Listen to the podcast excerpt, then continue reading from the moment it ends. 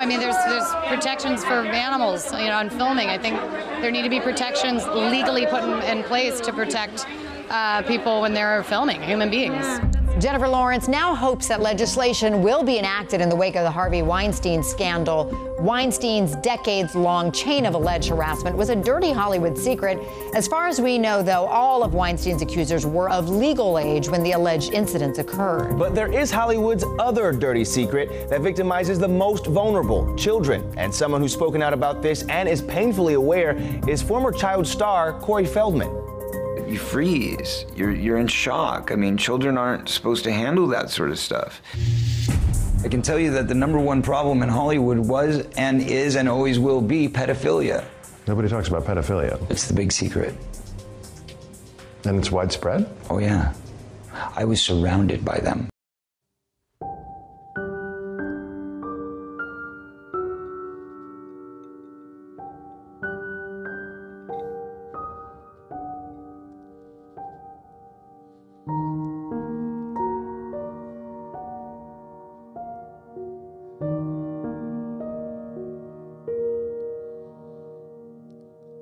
Hallo, je zit ons toch nog weer dit jaar. Dutch Matrix, de illusie van onze realiteit. Gekste jaar die eh, we maar konden bedenken. Ik denk dat niemand had verwacht eh, dat er zo'n transformatie in onze samenleving zou ontstaan. En eh, wij hebben dat niet vaak in onze podcasten eigenlijk besproken. Deze gekke tijden waar we in leven. Maar dat gaan we vandaag zeker doen. Het is einde van het jaar. En ehm, even globaal wat dingen doornemen. Dat gebeurt in het tweede deel van deze aflevering. Uiteraard eh, beginnen we met Hollywood ontmaskerd. Samen met Ersan. Ersan, leuk dat je er bent, jongen. Thanks Dino. Ja, we gaan eventjes wat dingen doornemen. Maar eh, ja, weet je, we moeten ook blij zijn dat we die killervirus eh, hebben overleefd, man. Want Nog wel, ja. we zouden eraan gaan. 17 miljoen mensen. 536 op intensive care. 5 miljoen met zelfmoordneigingen. Wie gaat er winnen? Dutch Matrix. Bekijk de show volgend jaar ook. We gaan gewoon weer verder. En ehm, ja, zoals ik net zei, we beginnen met Hollywood ontmaskerd. Tweede deel gaan we wat eh, vragen van eh, kijkers eh, doornemen. En ook een beetje onze plannen voor volgend jaar misschien bespreken samen met Tersan. We hebben er een beetje een leuke avond van gemaakt voor zover het kan. In deze, ja, nogmaals, crisistijden. Het lijkt wel oorlog. Het lijkt wel oorlog. Mentale oorlog. Althans, zo voel ik het. Dus ja, ehm Ersan, we beginnen bij Hollywood ontmaskerd. Allereerst super leuk dat je bent gekomen, gozer. Dankjewel Dino. Welkom. Ik vind het ook echt een mooie surprise. Iedere keer blijft mij verrassen. Het ziet er heerlijk uit. Hier niet aan zitten, zit varkensvlees in. Ja, daar ga ik niet aan zitten. Oké. Ersan, wij zijn met z'n tweeën. Simon zou uh, twijfelde of die zou komen, maar dat vind ik mooi aan Simon. Hij voelt echt aan of die gaat of niet. Daar heb ik echt respect voor. Ik heb Mooi. ook gezegd van, als je aanvoelt dat je moet... Hij zei nee, ik had het druk, kerst, familie, eh, dingen en zo. Maar eh, laat ik meteen, eh, voordat we starten, Simon en Joffrey ook bedanken. eh, dat ze ook deel hebben genomen aan de afgelopen afleveringen. Jij ook, een gast die hier ook altijd Dino. aanwezig is. Dus ook direct van mij naar jou toe, super tof. Je ziet het mensen, ook deze mensen hebben genoeg te verliezen om hierover te praten. Heb je eigenlijk slechte ervaringen geha- gehad eh naar aanleiding van deze gastoptredens qua eh, mensen uit je omgeving? Eh, nee, mensen uit de omgeving niet. Soms is het wel een beetje vervelend om soms af en toe te lezen. Maar oh, wel, ik heb eigenlijk positieve ervaringen eigenlijk gehad. Dat als ik in de supermarkt van, ik ken jou ergens van, dat ik denk van, hè? Dus dat vond ik wel op zich leuk. En, eh, maar dan krijg je heel veel vragen. Maar op zich vind ik dat wel prima. Het is wel bizar dat. eh, je had al, nadat we duizend kijkers pas hadden of zo, had- kwam je al in de supermarkt mensen tegen. Klopt. Dat is wel bizar. Ja. Nou begin ik bijna te denken dat YouTube een complot tegen ons pleegt met cijfers. Misschien waren we toen al, hadden we meer cijfers, kijkcijfers en, eh, dan we dachten, als het ware. Misschien werden we bewust tegengehouden. Dat klopt. eh, ik denk het niet, Nee. ik denk het, dat is een geintje hoor. hey, ehm Ersan, eh, ja, weet je, laten we gewoon met het eerste deel sta- starten. Dus het eerste deel wordt gewoon, we gaan even wat informatie blazen over Hollywood-industrie, wat daar allemaal gebeurt. Ersan heeft dingen uitgezocht. Ik heb bewust niet met hem niks doorgenomen. Ik ben eh, benieuwd wat hij heeft uitgezocht. Hij heeft zijn huiswerk eh, ge- gedaan. Hij heeft het onwijs mooi op een rijtje gezet. Dus eh, laten we daar eens mee beginnen, joh. Wat heb je voor ons bij elkaar gehaald als het gaat om Hollywood en de duistere zaken die daar... Ja, eh, eigenlijk is er op, op, het eerste, mom- op de eerste blik is er niks Duits aan, maar is gewoon verschrikkelijk. Als, als jij als Hollywood director een leuke film wilt beginnen met Hollywood samen, dan moet je als eerste gaan vragen van mag ik materiaal lenen? Maar dan zegt de DOD, dus Department of Defense, zegt als eerste van geef me jouw script even vriend. Ik ga even kijken wat erin staat. Oké, is dat bij elke film zo? Bij meer dan vanaf 1910 al meer dan 800 films en meer dan 1400 tv-shows. Wow, kan je een paar eh, misschien eh Ja, opnoemen? ja, zeker, zeker, Of zeker. eh, ergens mee beginnen. Ik weet niet wat je zelf in gedachten had, hoe je het wil aanpakken. Dus ik laat het compleet Nou, aan het jou mooiste is van de CIA, waar de CIA voornamelijk in zat, is, is marketing. Dus ze, ze doen echt een truc om te laten zien van wat, hoe krijgen wij ons imago opgepimpt? En hoe krijgen wij onze schulden eigenlijk? dus wat we allemaal verkeerd hebben gedaan, alsnog in een mooi jasje. En bijvoorbeeld met de film The Argo, bijvoorbeeld, die kent iedereen wel. Eh, dat echt waar gebeurd is in Iran. Dat eh, de coup werd gepleegd, eh, de regering eruit werd gezegd en de islamitische staat kwam. En dat ze Amerikanen daar gevangen hielden. Daar hebben ze echt een mooie draai aan gegeven. Dat ehm, de Amerikanen bijna volledig op eigen wijze met de CIA die Amerikanen hebben laten ontsnappen. Maar Canada is daar echt 80 tot 90 procent in bezig geweest. En dat zie je helemaal niet terug in die films. Oké, welke film precies? Argo. Argo, En- kan je daar wat over vertellen? Ja, ik, nou, en, eh, dat is een stukje geregisseerd met eh, Ben Affleck. Mhm. En ehm, Ben Affleck eh, vertelt daar ook in van wat de rol daarin was van CIA en wat de rol was hoe de Amerikaanse regering de film hebben gebruikt om mensen te laten ontsnappen uit Iran. Mhm. Maar ondertussen eh, is Canada de grootste aandeelhouder geweest en dat zie je helemaal niet terug. En dan maar ook met een interview met Ben Affleck vragen ze aan Ben Affleck: Hey Ben, zijn er wel meerdere CIA-agenten, denk je, in, in eh, Hollywood? En dan zegt Ben gewoon openlijk in, die, eh, in, die, in, in dat filmpje van... ja, volgens mij is het krioelt het van CIA-agenten. En het is een prachtig filmpje, misschien kan je die even tussenin laten zien. Ja, zeker. Die gaan we nu ook dan meteen laten zien, zodat het misschien wat duidelijker ook wordt voor de kijker. Ja, en het, het is, ja, ik vind, ik vind het gewoon verschrikkelijk dat 800 films, dus elke film die jij wilt laten zien, daar eh, gaat, dus de script die wordt dus aangepast door de CIA. that Hollywood and uh, you know the clandestine services are both spend most of their time convincing people that something that's not true is in fact true. You don't have a better bad idea than this? This is the best bad idea we have, sir. By far. The United States government has just sanctioned your science fiction movie. Daar Ja. zegt hij het gewoon prachtig. Ja, je ziet dat het, eh, ja, bepaalde dingen komen gewoon steeds beter naar voren. En eh, die film die dan gemaakt is daarover, die is dan op waarheid gebaseerd. Ja, klopt, klopt. Als de CIA, eh, ik hoorde dat ze ook eigen kantoor hadden daar en dergelijke. Ja. Waarom zouden ze dat dan eh, toelaten, dat zo'n film komt? Of is de macht niet zodanig groot dat ze hun niet tegen kunnen houden daarin? Hoe denk je daarover? Nou, sinds de oprichting van 1947 werkt CIA gewoon eh, samen al met Hollywood. En pas halverwege, halverwege de jaren 90 eh, hebben ze dus echt contactpersonen gehad. Dus ze hebben echt gewoon een, een, een kantoor in Hollywood. Waarvan mensen dus zelf naartoe moeten komen om ehm, eh, directeuren die met Amerikaanse militairen willen gaan meewerken. Dus ze hebben eh, F-16's nodig, ze hebben straaljagers nodig, ze hebben tanks nodig. De eerste wat ze zeggen is van ja, natuurlijk, we kunnen jou natuurlijk materiaal geven, maar we willen wel eerst script doornemen.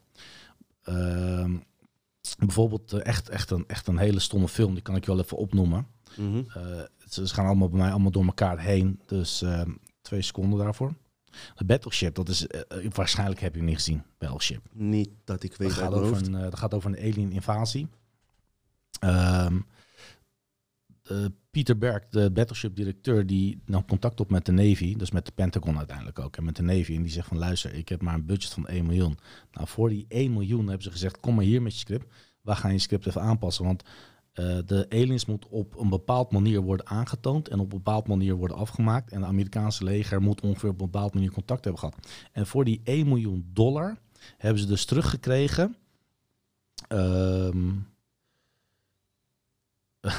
kan het niet. Maar dus een B-2 bommenwerper, eh marineschepen, Allemaal, eh, alles. voor- ja. Voor 1 miljoen Hey, dollar. en eh, wat is de reden dat die alien op een bepaalde manier eh, moesten worden afgemaakt? Of eh, het idee dat Navy wilde invloed uitoefenen op hoe de mensen tegen aliens, eh, hoe ze dat moeten zien, ze, hoe dat... Ze, ze wilden het, zo mogelijk, zo, eh, de, de Navy zelf wilde het zo eh, duidelijk mogelijk maken, zo realistisch mogelijk maken hoe aliens gekild konden worden. Oké. Dat was de belangrijkste eh, boodschap die terugkreeg Peter Berg van hey, als jij die film gaat doen, dan is dit ons eis en dan krijg je van ons de materiaal. Maar wat is hun agenda daarachter voor die Navy, denk jij? Ja, dat is dus eh, heel vaag. En ik heb nog een andere talloze films waarvan ik denk van... Je had het net is- over een pedofiel of zo? Eh, nee, dat is ehm, bijvoorbeeld een andere CIA-corporate film. Dus de Black Hawk Down. Dat gaat over Mogadishu en de Somalische VN-operatie waar de Amerikaanse leger was. Om daar vrede te brengen. In dat verhaal is de hoofdpersonage, die is totaal veranderd. Dus de CIA heeft gezegd, die hoofdpersonage mag er niet in. Want waarom? Welke film? Eh, Black Hawk Down. Mhm. Dat was een van de grootste Waar rampen. gaat die film over? Eh, die gaat over eh, dat er in Mogadishu, Somalië, eh, burgeroorlog is. En dat de Amerikaanse onder VN-mandaat daar zeg maar orde op stelte houdt. Oké. Maar de hoofdpersonage die daar zeg maar eh, de belangrijkste persoon is, die is daar veranderd. En dat komt omdat hij thuis in zijn eigen land een kinderverkrachter is. Oh, oké. Ja. Oké, Ja. oké, duidelijk. Dus eh de doel van CIA was hier invloed op uit... invloed op uiven en zorgen dat de Amerikaanse eh, Army, Navy, wat dan ook dergelijk, hoog in de vaandel bleef. Want ze, het is ook een propaganda Het is natuurlijk. eigenlijk een PR eh, voor, eh, voor de PR-publiciteit, ja. Ik heb zelfs gehoord dat, die, eh, dat de televisie eigenlijk is ontstaan. Juist om mensen te eh, controleren of in mind control in gedachtenvelden te zetten. Dat was eigenlijk de doel ook. Het doel van de televisie zelf. En ehm, het is eigenlijk ook logisch dat de CIA zich hiermee bemoeit. Je zei 800 films afgelopen...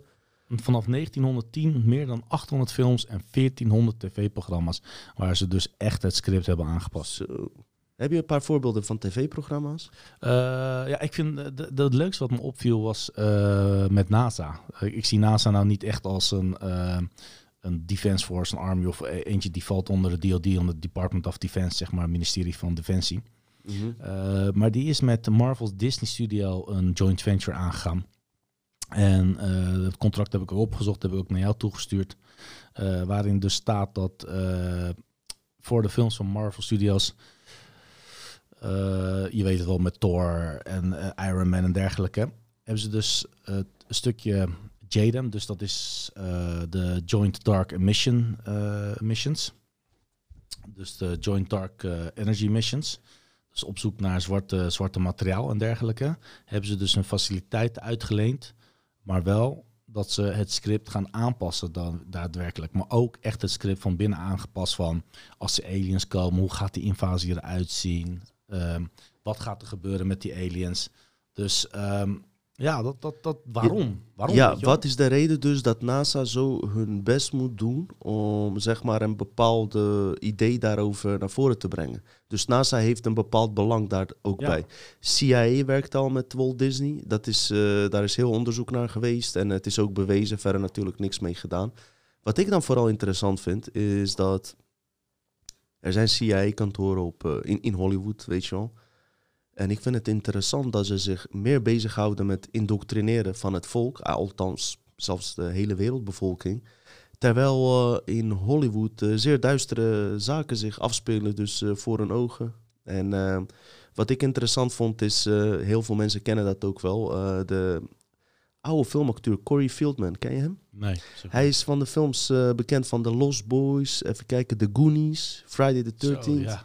Heeft hij ingespeeld. En wat is met hem aan de hand? Hij is naar buiten getreden de laatste paar jaar. En hij vertelt dat hij eh, seksueel misbruikt is. eh, tijdens het filmen zelfs. En in die sets toen hij een kind was, toen der tijd. Zijn vriendje waar hij mee omging. En ook collega-acteur Corey Haim. Die had eh, zelfmoord gepleegd. Maar het was nooit duidelijk waarom. Hij beweert dat hij om die reden zelfmoord heeft gepleegd. En die Corey Fieldman heeft dus ook, ook wat eh, details naar voren laten brengen. Schijnbaar in zijn laatste documentaire ook. Die is nu eindelijk eh, naar, eh, naar buiten gebracht in 2020. En ehm, ja, hij zegt dat het grootste probleem van Hollywood... Probleem nummer één is eigenlijk pedofilie. En wat daar gebeurt met jonge kinderen die in die... film spelen als het ware. En hij zegt dat hij zelf ook misbruikt is. En hij, hij zegt zelfs dat Charlie Sheen die Corey Haim ja, heeft, eh, ja, mis- eh, seksueel heeft misbruikt in de film Lucas uit 1986. Jeetje. En heel gedetailleerd dat hij hem tussen twee caravans nam en eh, olie op zijn billen smeerde. En, en hij zegt, ja, dat, dat toen die jongen, die vriend hem dat vertelde, dat was niet zo van... Kijk, hij was 13, die jongen, en Charlie Sheen was 19. Je zou kunnen zeggen, op je, ja, als jij 13 was en een jongen van 19 komt naar je toe... Weet ik niet. Weet je, één persoon is wat sterker dan de ander. Maar eh, ja, het lijkt erop dat het toch eh, niet eh, willend is gebeurd. Niet welwillend, weet je wel. En sowieso wat jonger, die jongen. En hij had allerlei details verteld daarover. Echt smerige details. En de ex-vrouw van die Fieldman, die bevestigt ook nog zijn verhaal. Dat het ook allemaal klopt. Dus eh, misschien even handig ook voor de kijker. ehm, om even een filmpje te laten zien over wie die jongen is. Misschien herken je hem uit eh, vroegere tijden. Uit de jaren 80, 90 eh, films waar hij in speelde. Dus eh, misschien kan je, kunnen we dat even laten zien. Ik kan hem klaargelegd voor je. You freeze. You're you're in shock. I mean, children aren't supposed to handle that sort of stuff. I can tell you that the number one problem in Hollywood was and is and always will be pedophilia. Nobody talks about pedophilia. It's the big secret. And it's widespread? Oh, yeah. I was surrounded by them. For years now, as evidenced on Nightline in 2011, Corey Feldman has been claiming that he and his good friend, the late Corey Haim, were victims of molestation when they were young actors. Last year, he opened up to our Alex Hudgens. Why didn't you Kids come are forward then? scared. You know, kids don't think I'm gonna go. First of all, for me, the person that was doing it to me the most, you know, um, well, I mean, I could say that the the two people that did it to me were both close friends of mine, mm. or so I thought. Feldman claims Haim endured more than him. In his book Choreography, he alleges that Haim was raped on the set of the 1986 film Lucas. The following year, 1987, their film The Lost Boys came out.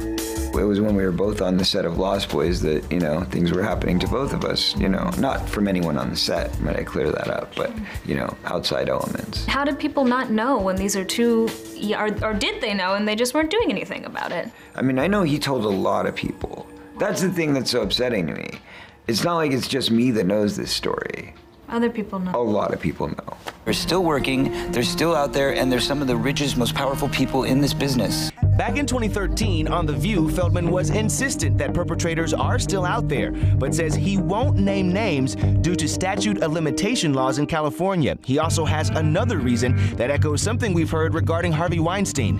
From what I've seen, every time somebody tries to bring up a public name and they have a lot of money and power and a publicity machine behind them, the person who does the accusing is the one that ends up looking bad.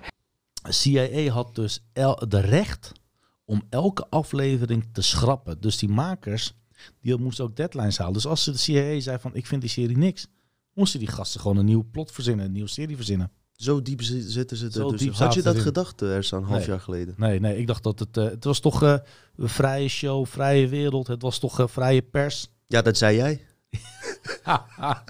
Daar komen we later op terug. Ja, wou ik net zeggen. Ik wil echt straks jou vragen. Ja, eh, wat voor jou veranderd is het afgelopen Ja. jaar. hey, en het is prachtig ook dat kijken gewoon ook jouw onderzoek eigenlijk live.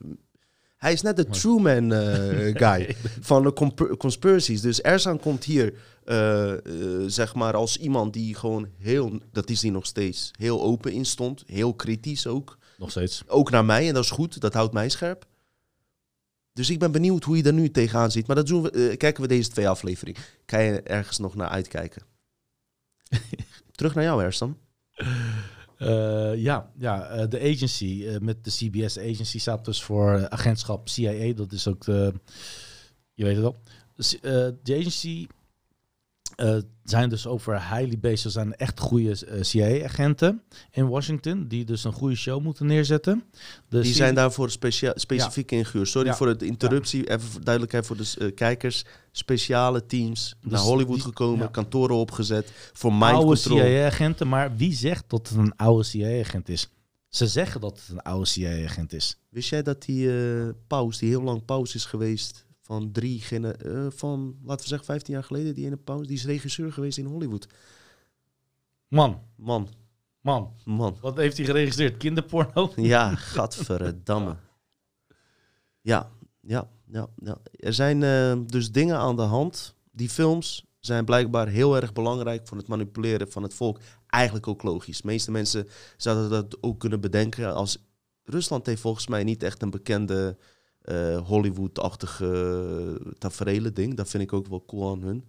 Maar eh, ik denk dat elk land, dat wil ik ermee zeggen, die, die ma- mag dat daar wel van gebruik zou willen maken om eh, zichzelf in eh, goed daglicht te zetten, toch? En eh, bevolking, bevolking een bepaald kant op te sturen. Alleen het gevaar van Hollywood is dat de hele fucking wereld ernaar kijkt. Ik dacht echt serieus toen ik klein was dat Indianen gevaarlijk waren. Ik zag Indianen als de slechterikken. Terwijl de inheemse bevolking was. Terwijl Ja. hun daar gewoon vredig Ja. woonden. En dat is dus effect van Hollywood. Wat zag je? Gevaarlijke indianen die met pijl en boog schoten naar bewapende cowboys. Ja, maar we hebben het hier From ook, Texas, man. ook wel eens een keer met Peter gezegd. Toen ik tegen Peter zei van... geschiedenis wordt geschreven door de overwinners. Dat zei we Churchill Winston. Ja. En het klopt nu ook, hè. Dus eh, de, de winnaars, de Amerikanen... die hebben gewonnen en die schrijven de geschiedenis op dit moment. Dus de Indianen zijn slecht. Ja, en dat wordt dan weer in onze scholen doorgevoerd, eh, gepromoot en alles. Dus eh, heel erg interessant. Heel erg interessant, ja. ja, Maar in, in, de, in de agency was het dus zo erg dat CBS, de, programma, de, de gasten van de, van de televisiemaatschappij, zei van ja, hier kunnen we- aan alle eisen kunnen we echt niet meer meewerken. CBS is eh, Amerikaans. Aan broadcast zender. Oké, oké. Ja. En die werden daar echt... RTL 4 of noem maar op of dergelijke. Ja, en dat is constant aan de hand. Ja, maar ze, ze veranderen ook de hele tijd eh, verhalen. Hè. Ze vooral ook continu einde. Dus alles wat jij net zegt, dat klopt in het geval van eh, Charlie Wilson's War. Ken je Charlie Wilson's War? Nee, kan je daar wat over vertellen? Dat was in een koude oorlog toen Rusland eh, Afghanistan binnenval. Wat ook niet goed is te praten natuurlijk. Ehm, moesten ze dus denken van hoe kunnen we niet de Afghanen helpen, maar hoe kunnen de Russen afmaken? Hoe kunnen het kolonisme afmaken? Nou, toen heeft Charlie heeft dus in die, in die film zie je dus ook hoe Charlie Wilson eh, de Pentagon kon overtuigen, andere senaat kon overtuigen om te kijken van eh, hoe krijgen wij eh, de Afghanen zover om meer Russische doden te maken en om meer Russische vliegtuigen mix neer te schieten. Nou, uiteindelijk hebben ze dus een idee door een make kost, weet ik wel, 15 miljoen dollar. En zo'n raketlauncher, die eh, RPG, die kost eh 100.000. Nou, dus door RPG sturen hadden ze uiteindelijk de oorlog kunnen keren, waardoor in Afghanistan de Russen uiteindelijk echt in het echt ook moest terugtrekken. Ehm, maar het einde van die film is totaal veranderd. En die persoon die, ehm, de echte Charlie Wilson, zei ook van, jongens, dit klopt helemaal niet. Maar de, eh, de, de- het was uiteindelijk de Pentagon zei van, je houdt je bek dicht, dit wordt een gelukkige einde en daar blijft het bij. Zegt dus Dino, je kijkt zo verbaasd. Ik hoorde iets eh, in mijn koptelefoon. Wat Ja, was dat dan? Iets viel daar linksonder geloof ik, maar dat geeft niet, we kunnen gewoon door. Hè, hè, eindelijk, het probleem is eh, opgelost. Wat was, wat was het geluid? Eh, het ijs die begint te smelten in de ijsbak, eh, in de ijzemmer. Het was geen complot tegen ons. Mensen, wat Ersa net heeft uitgelegd eigenlijk, is eh, de invloed op fysiek level. Dus de CIA die gewoon zichtbaar bezig is met eh, invloed uitoefenen. Wat gedocumenteerd is. Wat eh, die groep van eh, onderzoekers ook eh, heeft gevonden in de overheidsarchieven. Die ze naar buiten moesten brengen. Je hebt Ted Gunderson, die ik eerder heb genoemd, voormalig CIA-agent. Die hele hoe noem je dat, occulte, eyes wide shut-achtige dingen. Dus zeg maar die sekscults, waar Hollywoodsterren worden uitgenodigd, tegenwoordig zonder geheimen, dat die bestaan. Ted Gunderson heeft dat eh, openbaar gesteld. We hebben net gezien dat, eh, dat er ook eh, kindermisbruik is. Kortom, heel veel linken met dingen waar de politici ook mee bezig zijn, althans van worden ver- verdacht. Is dat je ook opgevallen, Ersan? Ehm, vroeger niet, laatste tijd steeds meer. Ja. Het is voor jou ook een... eh, Eye-opener. Ja, ja, ja, interessant. Maar, hey, je dacht toch niet dat dit alles was, hè? Dit zou Dutch Matrix niet zijn als we met wat eh, diepere dingen zouden komen. Dus Ersan had het net op fysiek level over bepaalde dingen. Maar wat wij nu gaan doen, is het volgende. Bepaalde films, zei jij net, worden dus geregisseerd door de CIA. Ik heb nog veel meer. Voor een bepaalde agenda. Maar ik begin, en serieus waar, ik heb me eh laatste paar dagen daar echt, heb ik daar een beetje over nagedacht. Wij in de Matrix hebben het over fysiek level en eh, multidimensionaal level, metafysisch level. Dus onzichtbare velden. En ik kan je misschien een aantal voorbeelden geven wat die onzichtbare energieën invloed hebben gehad op films waar wij allemaal van houden. En ik denk dat je wel één eh, schrijver weet die daar ook ervaring mee had, die we in onze vorige aflevering eh, hebben behandeld. De schrijver van, eh, hoe heet die film? Van die Philip K. Dick, eh, ja. Dus die vertelde dat hij eigenlijk door dat hij in een andere dimensie uit het niks belandde, allerlei informatie kreeg, daar films uit begon te schrijven. Boeken. Die- en boeken, tenminste, ja, zijn boeken boeken. werden vertaald. En uiteindelijk de waarheid eh, werden. Dames en heren, we gaan naar een dieper level. Neem gerust een slokje. Ik ook. Cheers, man. Cheers. Chichi. Chichi. Heerlijk hoor. Ja. Oké, oké. Het wordt tijd dat we gaan beginnen. Wat ik net al zei.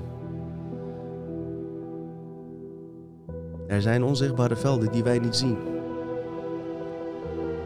En bepaalde films zijn geïnspireerd, dus niet door de CIA-controle, maar doordat, doordat bepaalde mensen in hun dromen informatie kregen. En één voorbeeld daarvan is eh, Terminator, Ersan. Ja. Ik kan wel klaar voor je staan. Dus enige film trouwens eh, waarvan ik denk van dat tweede deel beter is dan de eerste deel. Ken jij een film die, waarvan de tweede deel beter is dan de eerste deel? Niet heel veel, want dat vraag ik me ook vaak af. Ja, Vaak- hè? Vaak is het tweede deel minder. Deze was de Terminator dat. Wat was er met Terminator aan de hand, mensen? De schrijver van Terminator had daarvoor twee films eh, gemaakt, geproduceerd. De Piranha's, en dat, waren, dat was een flop. Dat was een flop. Piranha's 1 en 2. Ja, Nooit van gehoord? Nee, dat, dat Een zegt soort het de al. Jaws-achtige aflevering. Die man was in depressie geraakt. En hij kreeg een droom. Hij kreeg een droom over een robot die uit het vuur, eh, zeg maar, kon ontsmat, smeltend ontsnapte. Maar hij kreeg die droom niet één keer, wel meerdere malen. En die dromen werden steeds duidelijker en duidelijker met een verhaallijn. En naar aanleiding van die dromen besloot hij een nieuw script te schrijven.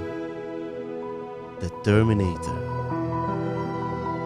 Weet je wie eigenlijk de rol zou krijgen van de Terminator? Ik, ik sta open. Vertel het maar. O.J. Simpson.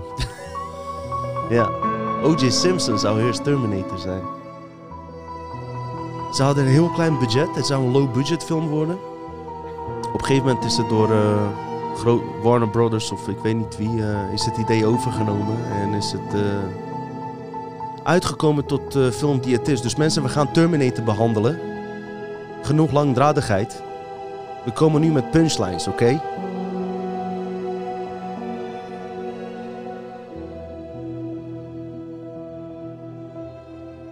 Ik moet dit rustig afbouwen, Ersan. Ja, ik wacht. Ik heb geen wacht mensen. op die punchlines. Ik heb geen mensen hier op de achtergrond die dit eh, voor me regelen. Maar het geeft niet. Hey, we kunnen meerdere dingen tegelijk doen. Hallo. Kijk, eh, Terminator film. eh, heel interessant, mensen. Sowieso heb je daar, wat we hier al hebben behandeld, ook een subliminal message. Dat ze in die scène dat, dat de good guy Terminator met de zoon van Sarah Connor wordt achterna gezeten door die bad guy Terminator, deel 2. Rijden ze onder een viaduct doen en wat zie je? 9-11. En wat voor 9-11 zie je. Terwijl dat voor eh, hè, eh, 9-11 was 2001. De film komt uit 1984. Dat is voor mij persoonlijk altijd een, getal dat elke dag eh, eh, terug te zien is in mijn leven. Al is het maar een kenteken die ik zie op straat. Is voor mij persoonlijk interessant.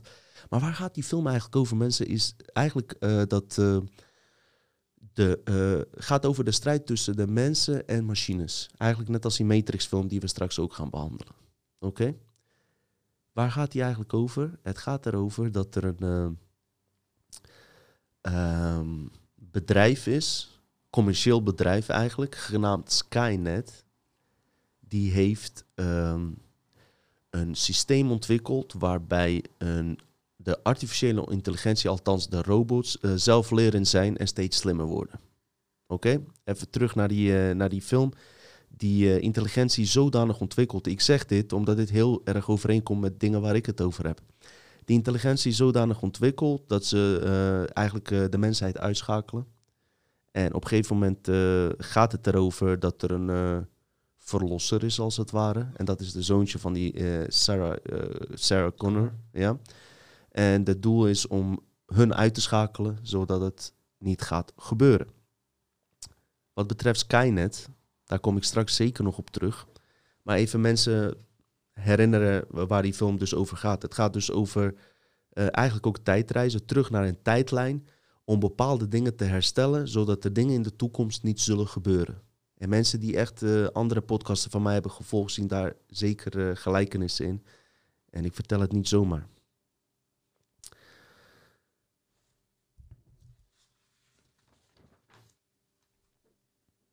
Ik neem nu gewoon een slokje, hoor. Ja. Ik knip er dit eruit. Terminator, jaren geleden. Wat het interessante is van die zelflerende robots, kunstmatige intelligentie er staan, is dat bijvoorbeeld dat we nu ook in die tijd zitten dat Elon Musk en Stephen Hawking ook het hebben over gevaren van deze kunstmatige intelligentie. Elon Musk heeft daar een hele vage eh, antwoord op, is dat we zelf ons dan moeten connecten met, eh, hè? Maar Elon Musk was ook de eerste die zei van er moeten regels komen. Er moeten nu in de regels komen de VN. Ik vind het zo eng. Eh dan moet nu, net zoals hoe je niet meer atoomwapens mag eh, gaan oprichten en gevaarlijke wapens mag gaan eh, maken, mag je ook niet hele gevaarlijke AI-programma's maken. Dat is wat Elon Musk ook zegt. Ja, daar heeft hij zeker gelijk in. Maar mijn wederantwoord op hem is... zijn oplossing die is voor mij eh, nog enger. En dat is dat wij dus zelf aan de kunstmatige intelligentie worden verbonden. Omdat naar zijn idee eh, wij anders eh, te ver achterlopen als mens zijnde. En in een concurrerende, concurrerende strijd komen te staan. En ja, hij komt met een oplossing die misschien erger is dan het gevaar zelf. Dat vraag ik mij dan af. Het hoe zie jij dat? Ja. Het is eenmans visie en dat is zijn visie. Hij is er sterk van overtuigd dat dat dat is. Dus hij wil heel veel eh, bio, eh, tech, nana en eh interference gaan zorgen dat, dat technologie... Neuralink. Neuralink. Dus dat steeds meer connecties komt. Dus dat je ook steeds meer biotech, eh, ledemaat gaat krijgen, organen gaat krijgen, maar ook denkvermogen gaat krijgen, zichtsvermogen gaat krijgen. Ja, waar gaat de wereld naartoe? Het lijkt erop, ik weet niet of hij dat bewust doet, is dat hij zeg maar eh, deze ja, gang van zaken, want het klopt wel wat hij zegt, maar hij gebruikt dat eigenlijk om zijn eigen shit te promoten. Ja, en in, in, die, in die films van Terminator, wat jij zegt, dus als ze in de toekomst gaan, dan blijven de mens gewoon de mens. Die willen niks van elektronica, computers of wat dan ook in. Ja, ja. En dat zijn eh, zeg maar de, ja, hoe noem je dat, eh, mensen die nog geloven in het organische, oorspronkelijk van, van hunzelf. Puur omdat ze onderdrukt worden door die, eh, door die machines ook. Ik kan je wel even iets interessants vertellen. Er zit sowieso in de Terminator, ik ben benieuwd of jij dit weet, heel veel eh, bijbelse verwijzingen. Nee, dat wist ik niet. Is het je ooit opgevallen? Nee. Terwijl jij wel best wel dingen over Bijbel Ja. en Koran weet, dus een beetje hetzelfde ook.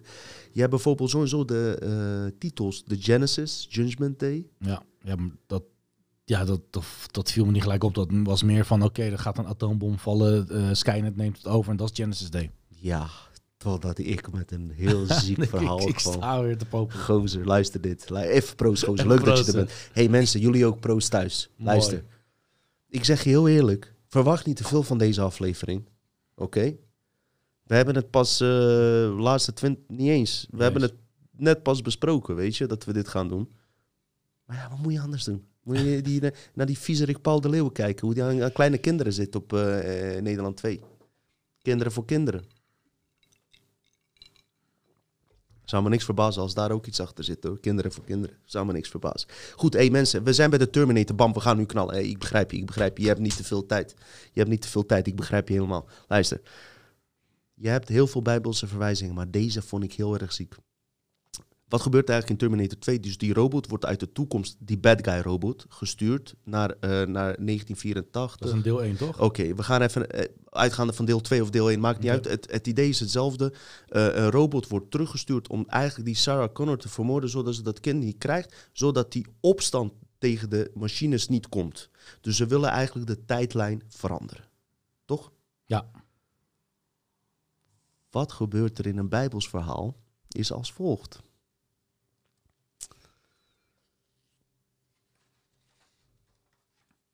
Oh ja. In een Bijbels verhaal, verhaal, in de Bijbels verhaal, komt er op een gegeven moment een draak naar de Maria, naar de Maria, naar Maria toe. En wil strijd met haar voeren, haar eigenlijk afmaken om te voorkomen dat Jezus wordt geboren. Wist je dat? Nee, nee. Dat is eh, gewoon een Bijbels Nee, verhaal ik, dus. eh, dit heb ik dit nog nooit eerder gehoord. Dit is, Ja. eh, ja. Ja, en weet ik je zou wat- het opzoeken of het echt zo is, ja, maar... Ik heb het opgezocht. Het blijkt echt zo te zijn.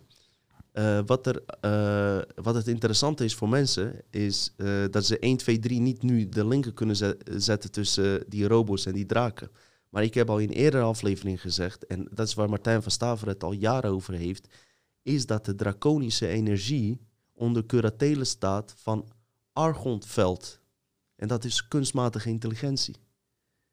En zo kan je zien dat eigenlijk dra- eh, draken, draconische energie, is kunstmatige intelligentie. Kan je de linker nu zetten? Dus Maria wordt door ik, een ik heb draak. een paar shows nodig, denk ik. Eh, maar ja, kijk, ik, ja. Ma- Maria wordt dus door een draak eh, bezocht. In de Bijbel. Ja. In de Bijbel. In de, in de is draak. later geschreven natuurlijk uit de de- dodes... eh, Maar voor de. Terminator. Maar ver voor de Terminator, Mhm. ja.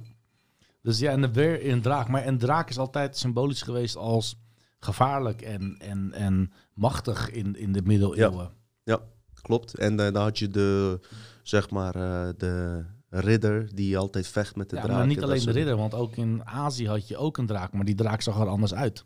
Ja, met sp- spleetoog. Met spleetogen, Oh, ja. ja, en lang, lang werp gaan doen. Maar mensen denken nu ook, oké Dino, we zijn veel diepere dingen van jullie gewend. Ja. Jullie zijn veel te soft. Jullie denken dat jullie met dit eten en drinken zomaar uit, de uit de voeten komen. Nee hoor. hey, mensen, dit is heel fucking ziek. Luister dit. Joffrey vertelde mij dat die Skynet echt bestaat. Ja, maar dat was ook zo. is toch fucking bizar? Skynet bestaat. Dus die Skynet, luister. Weet je, om jullie even uit te leggen wat de Skynet in de film Terminator is. Laten we het filmpje hier zien. En daar gaan we mijn shit knallen.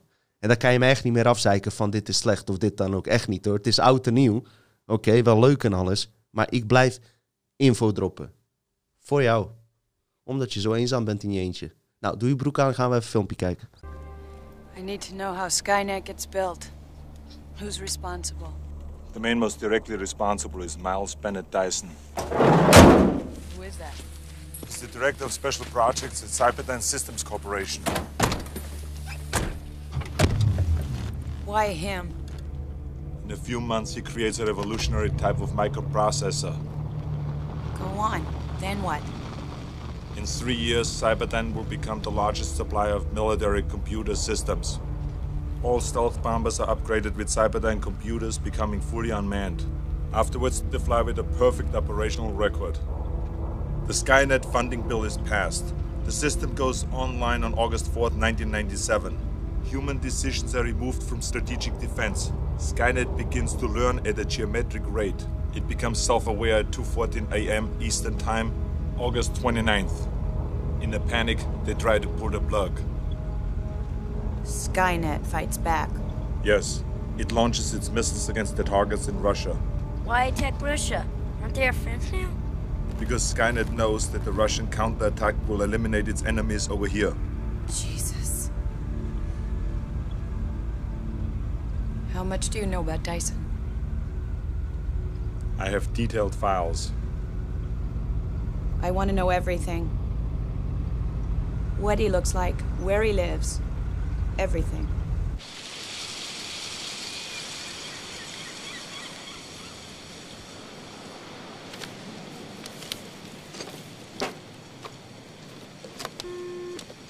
Miles, Miles.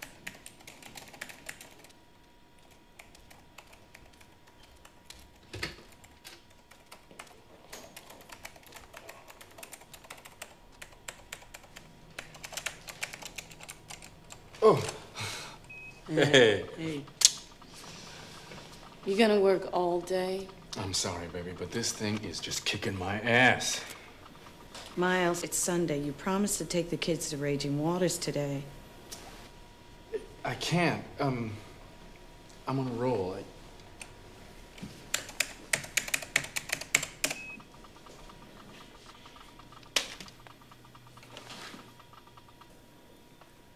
I... Baby, this is gonna blow them all away. It's a it's a neural net I know. processor. I know, you told me. It's a neural net processor. It thinks and learns like we do. It's superconducting at room temperature. Other computers are just pocket calculators by comparison. But why is that so goddamn important, Miles? I really need to know, because sometimes I feel like I'm going crazy here. Baby, I am this close. Come here. Imagine a, a jet airliner with a pilot that never gets tired, never makes mistakes, never shows up to work with a hangover. Meet the pilot. Why did we get married, Miles? Why did we have these children? You don't need us. Your heart and your mind are in here.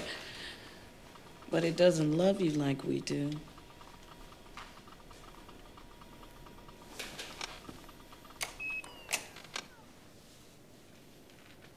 I'm sorry. How about spending some time with your other babies? Wat heeft hij net verteld in eh, de film eh, Terminator over Skynet? Het Engels is ook prima. Nee, eh, Terminator, dus Arnold Schwarzenegger heeft daar verteld eh, waardoor hij is teruggekomen. Dus hij is teruggekomen omdat eh, eh, Skynet een programma is geweest eh, waar die artificial intelligence heeft, die de wereld heeft overgenomen, die de hele wereld, eh, eh, omdat hij terug wilde vechten, alle atoombommen ter wereld heeft laten afgaan tegen elkaar.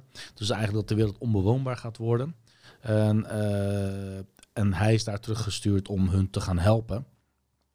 Van de mensheid heeft hem gebruikt om hun te gaan helpen, zodat eh, Connor, haar zoon van Sarah Connor, niet doodgaat. Maar ondertussen was er ook een andere acteur die aan het programma werkt. En die was dus in het verleden aan het werken aan de Skynet.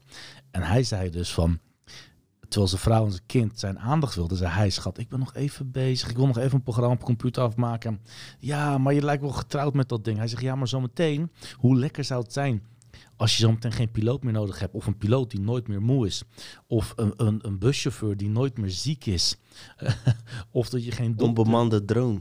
Onbemande drones, alles onbemast. Zelf nadenkende programma's, dus beslissing kunnen makende programma's. En toen zei die vrouw, dus zei het, uiteindelijk kwam het heel mooi, zei ze van, ja, je lijkt wel getrouwd met, eh, met, met je programma en met je AI, maar hij houdt niet van jou. En wij wel. En toen deed hij hem zo uit. Klik. Wauw. Mooi dat je dat hebt opgemerkt. En wat is dat eigenlijk? Die vrouw brengt dat organische naar voren. Wat wij als oorspronkelijke mens zijn. Gevoel, emotie, feeling. En die man zit vol in de technocratische intelligentie. En dan moet ik zeggen, toevallig heeft mijn vriendin ook net gezegd... Ben jij getrouwd met je fucking podcast? Serieus.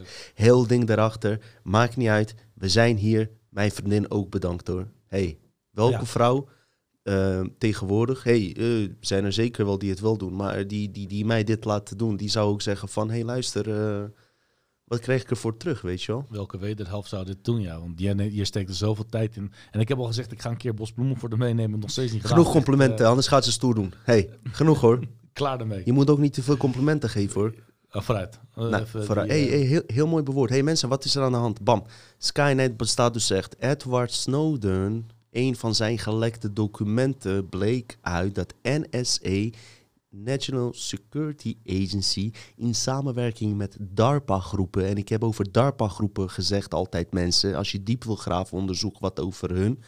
Wat bleek uit die gelekte documenten van Edward Snowden, is dat ze een programma hadden, Skynet. Oké? Dit was in samenwerking met MIT's Lincoln Lab en Harvard University. Ja.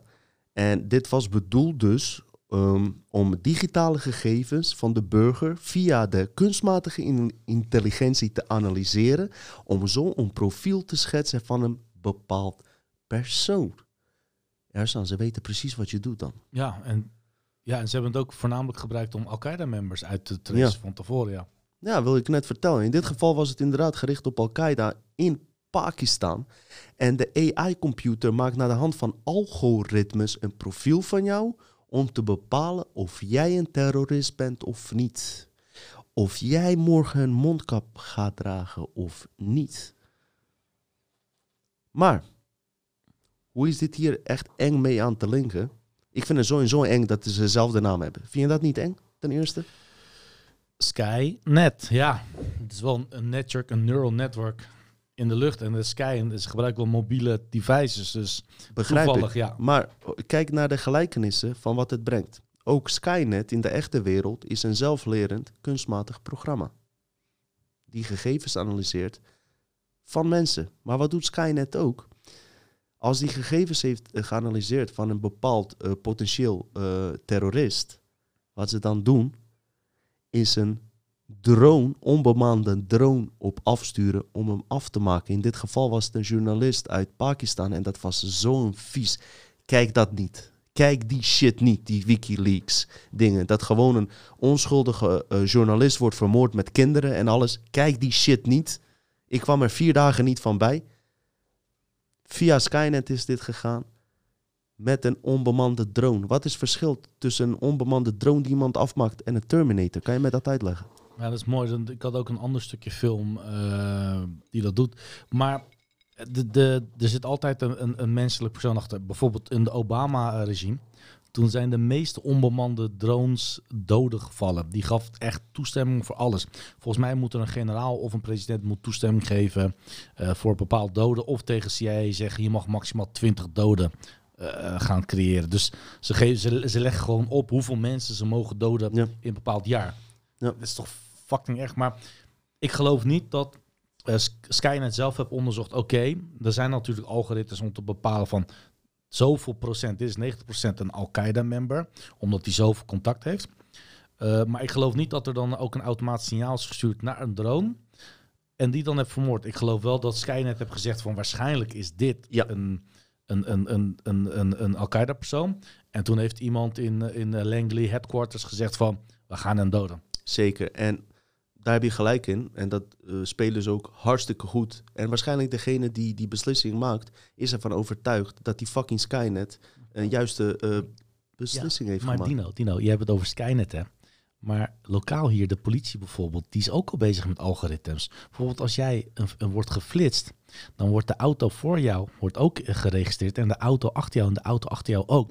Dat soort programma's maakt de politie ook. En daar weet helemaal niemand van af. Ja, maar wat is daar erg aan? Nou, er is ook al artificial intelligence. Er zijn gewoon dus algoritmes. Wat jij hebt dus over een telefoontje. Nederland is het land die het meeste aftapt. Geloof mij nou maar, daar zitten ook algoritmes op om te bepalen van hé, hey, met wie heeft hij connectie? Waarom heeft hij met die connectie? Dus wat daar op Ja, maar waarom willen ze dat weten dan? Waarom ze dat willen weten? Ik vraag jou toch ook niet wat jij doet in je vrije tijd? Ja, maar dat willen ze wel weten, jongen. Als ik te hard Dat wil rijden en boete wil krijgen, moet ik dat godverdomme zelf weten. Ja, nou, als jij door rood licht rijdt, wordt de auto achter jou ook gescand. En Ja? dat doen ze alleen maar om te kijken van... hé, hey, eh, gaat ge- ben jij door rood gereden omdat jij iemand aan het volgen bent? Ben jij een drugscourier? Ben jij, eh, ben jij, ben jij een crimineel? Ben jij, doe jij iets wat de staat niet wilt? Dan... die, die, die, die algoritmes wordt in Nederland alleen al gebruikt. Laat staan die Skynet. Ja, oké. Maar ja, ja het, is, het is erg dat het gebeurt. Ik, be- ik, be- ik begrijp je punt. Het is dichter bij het huis dan Skynet zelf. AI gebeurt overal. Het is tegenwoordig, iedereen kan met een mini-computer, een Raspberry Pi, eh, met een Python-programma, leertaal, kan hij gewoon een instructieset geven om te, met de camera. En dan kan, kan jij binnen, binnen een half uur heb ik hier een computerprogramma die kan precies zeggen wat hier langs je huis loopt en tellen en hoe laat iemand loopt en wanneer iemand heeft gelopen. Het is gestort. Klopt. En weet je wat het probleem hierbij is? En dat is meteen het verschil tussen iets eh, kunstmatigs en iets menselijks. Is dat ik geflitst kan worden voor het hardrijden. Doordat er iemand eh, in mijn omgeving een hartaanval heeft gekregen. En dat ik hem op een of andere manier niet naar het ziekenhuis kon sturen. Ambulance kon niet worden gebeld. Ik moest keihard daarin rijden. Die computer kan dus niet beredeneren naar emoties en het gevoel eh, en de reden waarvoor ik op dat moment te hard heb gereden. En dat is erg. Weet je waarom dat erg is? Omdat in diezelfde Pakistan de goedgekeurde aanvallen die via Skynet gegevens hebben verzameld, eh, onschuldige vrouwen en kinderen ook zijn vermoord. Ik kan je dit er nog over vertellen. Wat zij eigenlijk doen, zij voeden de machines dus met algoritmes, zodat zij cellulaire metadata kunnen analyseren. Dat zijn gegevens zoals sociale re- relaties eh, van de persoon, wat doe je in je vrije tijd, eh, verslavingen. Dat kan ook tevens eh, tegen gebruikt eh, geworden. Eetgedrag en verplaatsing van persoon dat gedetecteerd wordt via de gsm uiteraard. Dus ehm, ze worden steeds slimmer, zeg maar, die apparaten. En dat is het enge eh, wa- wa- wat, wat gelijk gaat aan die film Terminator. Waarom ook? Even dit alleen nog.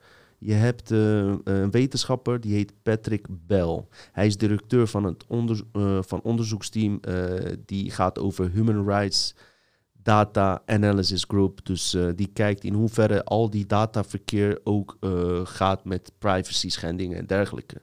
En zijn eh, conclusies waren best wel schokkend, want volgens hem zijn er in 2004 2500 tot 4000 mensen in Pakistan vermoord door de Amerikaanse drones. Ja? Naar aanleiding van de analyses van Skynet. Dan zijn er veel meer mensen die nu op intensive care liggen, bijvoorbeeld in deze crisissituatie. Dus eh, Skynet opereert eh, als een moderne big data. Jij bent daar bekend mee natuurlijk. Jij bent ook een computerman applicatie. En wat zij doen is, programma verzamelt metadata. Jij moet me uitleggen wat dat precies is. Ja, Waarschijnlijk transformerende data. Nee, nee, metadata is alleen maar dat eh, ik bel jou op en dan onthoudt ze alleen maar dat ik met welk mobiel heb gebeld naar jouw mobiel, maar niet eh, het gesprek zelf heb genoteerd. Goed dat je dat zegt tussendoor. Eh, ze verzamelen die gegevens, metadata. Vervolgens gooien ze deze data in de cloud van de NSA. Oké? En deze worden dan via algoritmes geanalyseerd om de potentiële terreurverdachte op te sporen. Nogmaals, volgens deze man die dit onderzoekt, zijn er gewoon talloze mannen, vrouwen, kinderen gewoon onschuldig afgemaakt via deze analyses. En dat is gewoon, eng. Dit is gewoon Minority Report shit-achtig. Ja, hoe, hoe, ik ben altijd benieuwd als ze mij zoektermen op Google gaan eh, analyseren, gozer. Ik zie die drone al vliegen hier ergens, man. Zwarte helikopters, wel eens van gehoord? Uh, zwarte helikopters, nee. Er zijn maar een paar Black- mensen die kijken wat dat betekent. Maar daar kan ik nu niet op ingaan. Andere keer. Mhm. Het is gewoon heel ziek. En eigenlijk is die film dus van, eh, ja, van die Terminator. Als je dat eens even zo analyseert, zitten daar ook heel veel dingen in die nu aan de hand zijn, man. Die toen de tijd eigenlijk niet eh, konden worden. Ergens worden neergezet van ja, het zal wel, het is ver in de toekomst. Trouwens, die film Enemy of the States van. eh, Prachtig, Will Smith. Wauw, maar gaat die niet nu onwijs gepaard met deze tijd, Ersan? Daar moet jij toch als iemand Ik die... heb jou laatst nog een link gestuurd dat eh NSC een satelliet eh, in, de- in, in de ruimte heeft geschoten die ook in jouw huis kan filmen en fotograferen. Dat is kloten. Ja, dus je zal mee bezig zijn met je vriendin. Word je uitgelekt? Nee, Ja, dat, dat is wel de wereld waar we naartoe gaan. En er is niks die dat kan tegenhouden, Dino. Er, die, niemand kan dit stoppen. Het enige wat dit kan stoppen is een totale wereldoorlog. En dat we teruggaan naar eh, stok en stenen, zoals Poetin dit ooit een keer heeft gezegd. Maar we zitten al in die oorlog. We zitten nog niet in een eh, catastrofale oorlog. Waar Ja, met, maar eh, wel op, eh, op een eh, mind level wel... eh, Ja, eh, dus van, dat eh, is, dat is wat ik zeg. We zitten in een mind-level oorlog. Maar kunnen we eruit? Nee. Er er is point of no return is al bereikt. Gaat niet lukken. Niet binnen dit systeem. En het enige wat er is, is de shit zoals corona en dat soort dingen en zo. Wat Ja. ze nu erop gooien. Maar er is een uitweg hoor mensen. hey, luister, nieuw jaar. Hey. Je moet, mensen, ja, je, moet, je, je moet mensen ook een beetje, hè, een beetje hoop erin laten geven. hey, komt allemaal goed, luister.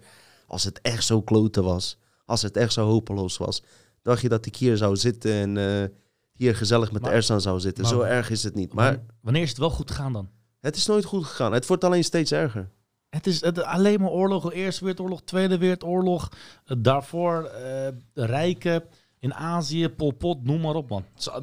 Vertel mij eens wanneer het goed is gegaan. 100 jaar lang. Inderdaad, weet je, en bij het tweede deel gaan we gewoon echt rustig. Dan interesseert Ja. me eigenlijk niet. Ik wil alleen dat de kijker gewoon eerste, eerste anderhalf uur, weet je, uur, anderhalf uur wat informatie krijgt. En dan gaan we gewoon heel uitgebreid, weet je, gewoon eh, praten over dingen. We zien wel waar het over gaat.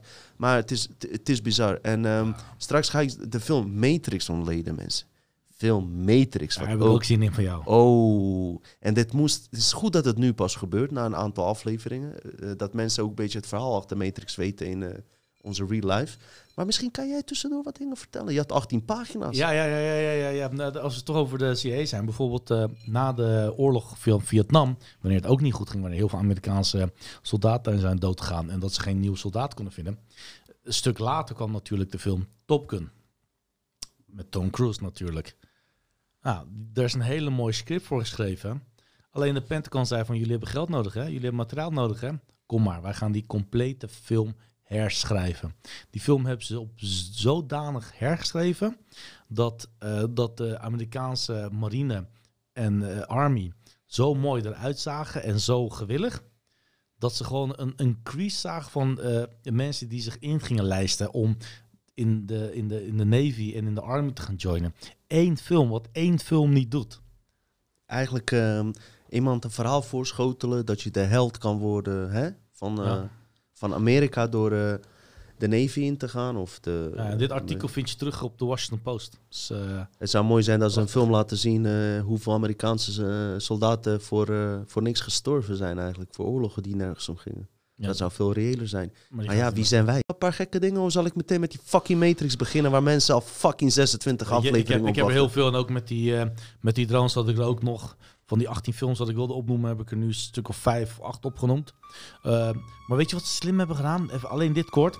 Eh, de army, de politie, de brandweer. Dus ze, ze, al die uniformen wat ze aan hebben, is ook een brand, is ook een merk. Dus niemand mag dat gebruiken, snap je? Dus als jij een film wilt maken met politiekleding, moet je eerst toestemming vragen. En bij Alibaba Express kan je niet bestellen? maar zo Ik- werkt dat niet. Ik zat laatst te denken om zo'n politiepak na te laten maken en langs de weg te staan en mensen bekeuring te geven die alleen in cash kan Ben je worden uitbetaald. Oh, nu ben ik weer aan het... eh, nee, wacht, sorry. Zie je nou? Zie je nou? Zie je nou? Zie je nou mensen? Zie je nou? Over één kam scheren. Ja. Ersan. Nee hoor. Luister mensen, het wordt tijd ja, dat we nu Matrix film gaan ontleden. Waarom is dit belangrijk? Waarom zit hier een achtergrondliedje achter? Is omdat deze show Dutch Matrix heet. En het verbaast me dat nog nooit iemand heeft gevraagd ook aan ons van... Waarom behandelen jullie niet de film Matrix? Want zo heet jullie fucking show toch? Vind je dat niet raar, Ersan? Ook dat, dat je eh, altijd refereerde naar een matrix. Nee, nee, grapje, nee. Waarom heb je dat nooit gedaan? Nou ja, dat denken heel veel mensen dus. Dat ik het bewijzen van bedoel. Maar ik meen het serieus. Ik neem film Matrix heel letterlijk. Ja. Hoe letterlijk? Heel letterlijk. Dat kan ik je nu uitleggen, gozer. Film Matrix. Koptelefoon. Oké. Film Matrix, mensen, gaat over dat we eigenlijk in een simulatie leven en zonder dat we dat weten, ingelogd zijn in een wereld, in een virtual reality, zonder dat we dat doorhebben. Ja, en het gaat om de ontwaking van Neo, die de wereld een beetje moet redden, weet je wel. Je mag me onderbreken straks als ik iets verkeerd zeg. Maar ik ga die film ontleden en zelfs wat je van mij nu gaat horen, is, is een klein gedeelte. Die film is gecodeerd, Ersan. Gecodeerd als het fucking bizar. Er zitten zoveel dingen in die ik je nu ga opnoemen. En er zitten nog zoveel dingen die ik niet ga opnoemen. Dat je denkt van, what the fuck, weet je. Film Dark City, heb je daar wel eens van gehoord? Eh, volgens mij wel, maar echt lang geleden, man. Deze film eh, lijkt er heel erg op. Die is uitgekomen een aantal jaar voor de Matrix. John Murdoch wordt wakker in zijn hotelkamer met geheugenverlies. Ja, ja, ik heb die gezien. Ja? Ja, ja, hij weet niet meer wie hij is. En hij wordt achterna gezeten door bleke mannen in zwarte pakken.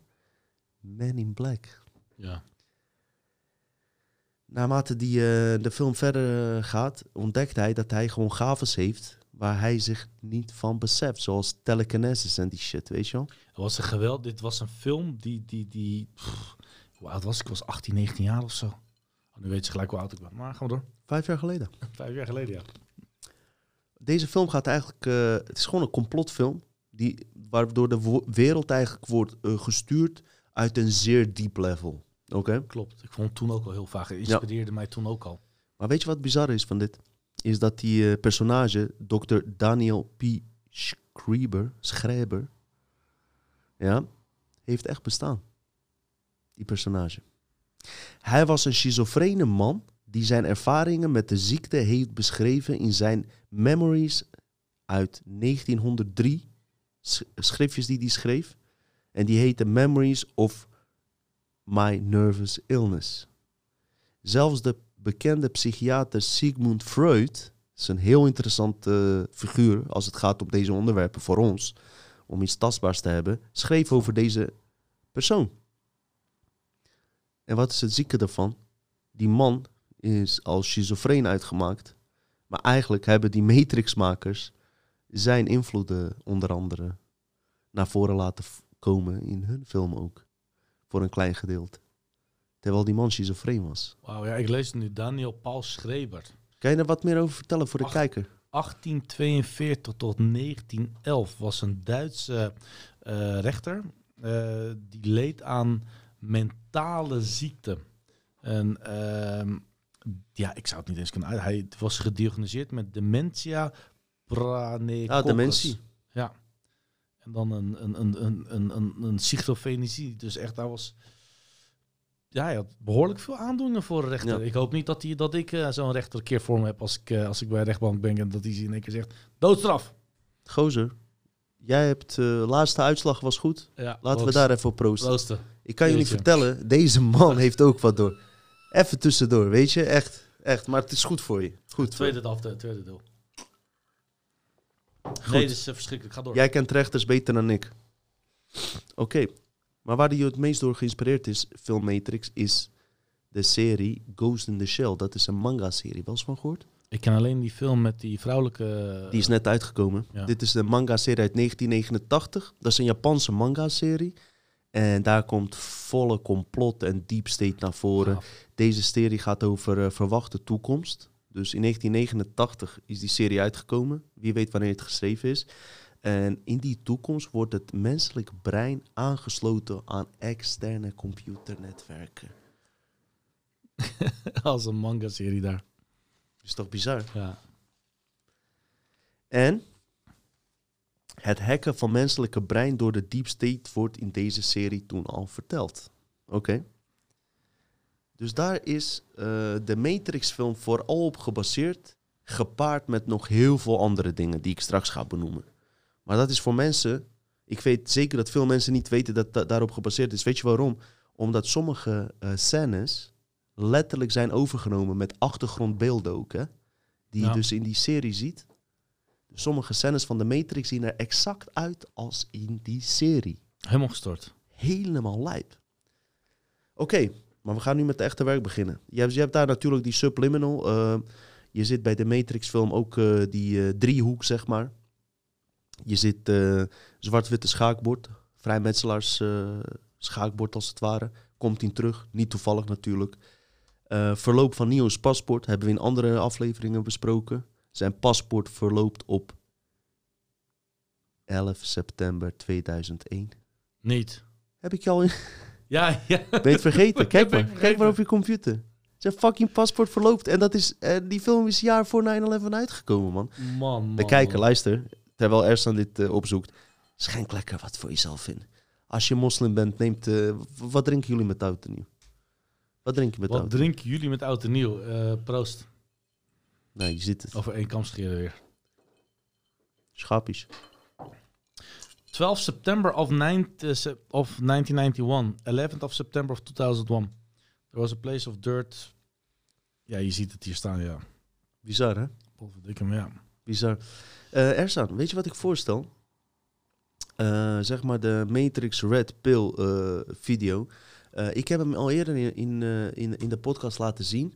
Maar ik denk dat het wel handig is om nog eens even eh fragment uit de Matrix film te laten zien. Waar de Matrix een beetje door Morpheus wordt uitgelegd. Kan je dat laten zien, Ersan? Tuurlijk kan ik dat laten zien. Ik vind je geweldig. Do you want to know what it is?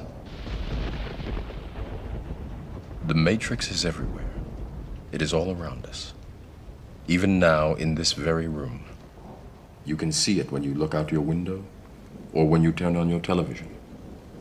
You can feel it when you go to work, when you go to church, when you pay your taxes. It is the world that has been pulled over your eyes to blind you from the truth. What truth? That you are a slave, Neo.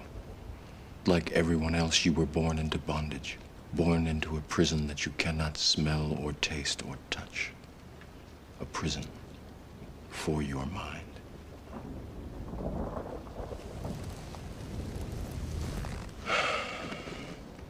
Unfortunately, no one can be told what the Matrix is. You have to see it for yourself.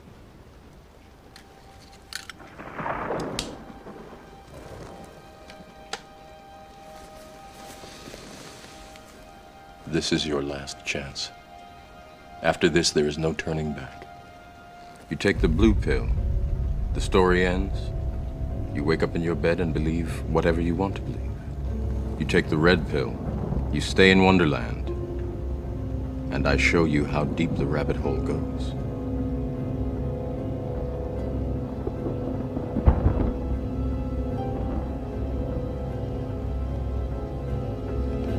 Remember, all I'm offering is the truth, nothing more.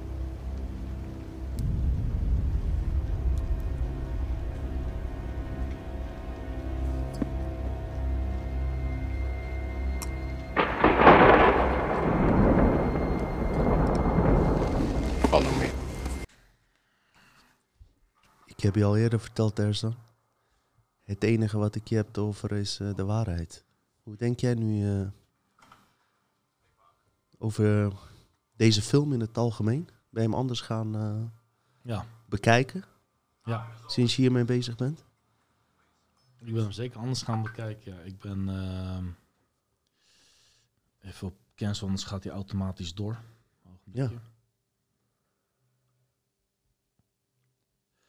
Ik ben hem eh, op, een, op een volwassene leeftijd naar gaan kijken. En niet meer als eh, de emotionele persoon die ik was. Ik was natuurlijk wel heel erg jong ook toen ik deze film zag. En toen ging het meer om sensatie. En eh, niet om het feit van wat de werkelijkheid zou kunnen zijn. Mhm, mhm. Nee, ik vraag me af of, of het om volwassenheid, of het daarmee te maken heeft. Want er zijn zat volwassen personen die dit puur als een science fiction eh, film zien. En ik vroeg me af in hoeverre jij eh, dit als science fiction zit. Of zie je een vorm van waarheid in, waar hij zegt eigenlijk van... eh, de Matrix is eigenlijk die allergrootste leugen wat je voor wordt geschoteld op het moment dat je wordt geboren. Eh, ja, en aan de ene kant snap ik het, maar aan de andere kant ehm, kan ik daar niet zo mee in. Want ik, ik heb ook een collega die heel rationeel is, die heel slim is. Ehm, maar die, die had wel echt moeite met zijn met zijn vriendin, die was ook stervend. En dan zei ik nog van, je, je denkt over alles de matrix en die dacht over alles, dit is puur energie. Maar wat Ja. maakt het jou dat jij je zo kut voelt en dat je zo gebonden bent aan je, aan je vriendin? En dat is toch die liefde weer. En Ja. Dat, dat, dat, dat kan ik dus niet weer matchen. Want we zitten wel in die matrix, Oh. maar we hebben wel echt het gevoel van liefde en passie en hartstocht en drama ook. Wauw, mooi dat je dat meldt. En ik ga je die antwoord geven in eh, verloop dat ik eh, deze eh, Matrix-film ga ontleden voor een deel. Eh, film is nogmaals heel, heel erg gecodeerd. Ik ga een paar dingen doornemen van deze film. En ik denk dat deze film dat ook verdient. Met wat voor agenda die ook is gemaakt. Dat weten we natuurlijk niet. Ehm, ga ik ook dat punt naar voren brengen als het om hart en liefde gaat. Oké? Laten we hem even rustig gaan ontleden, Ersan. Weet je, een nieuw jaar is bijna. Oude jaar is bijna voorbij. Gaan we aftellen. We gaan aftellen. Het is een jaar om eh, inderdaad nooit te vergeten. We gaan even dat Matrix-ding doen. Daarna gaan we naar het tweede gedeelte. Oké? Agent Smith als eerst. Wie is Agent Smith? Het is een computervirus. Een computerprogramma op dat moment. Hij wordt later Programma. Later wordt het een virus. Ja? Hij treedt op op het moment dat iemand wakker begint te worden. Dan, dan probeert hij in jou te komen. En hoe kreeg die virus, eh, zeg maar, zijn macht? Door in te loggen. Dit is, dit, is, dit is gewoon de script van Matrix film ook, hè? Eh, als je hem uitgebreider uitzoekt. Die virus krijgt macht doordat hij kan inloggen op mensen die in de Matrix zitten. Ja, het is eigenlijk een soort van Skynet-programma wat er is. Hè? Dus hij luistert alles af en op het moment dat er wordt gepraat over de Matrix, dan wordt hij geactiveerd.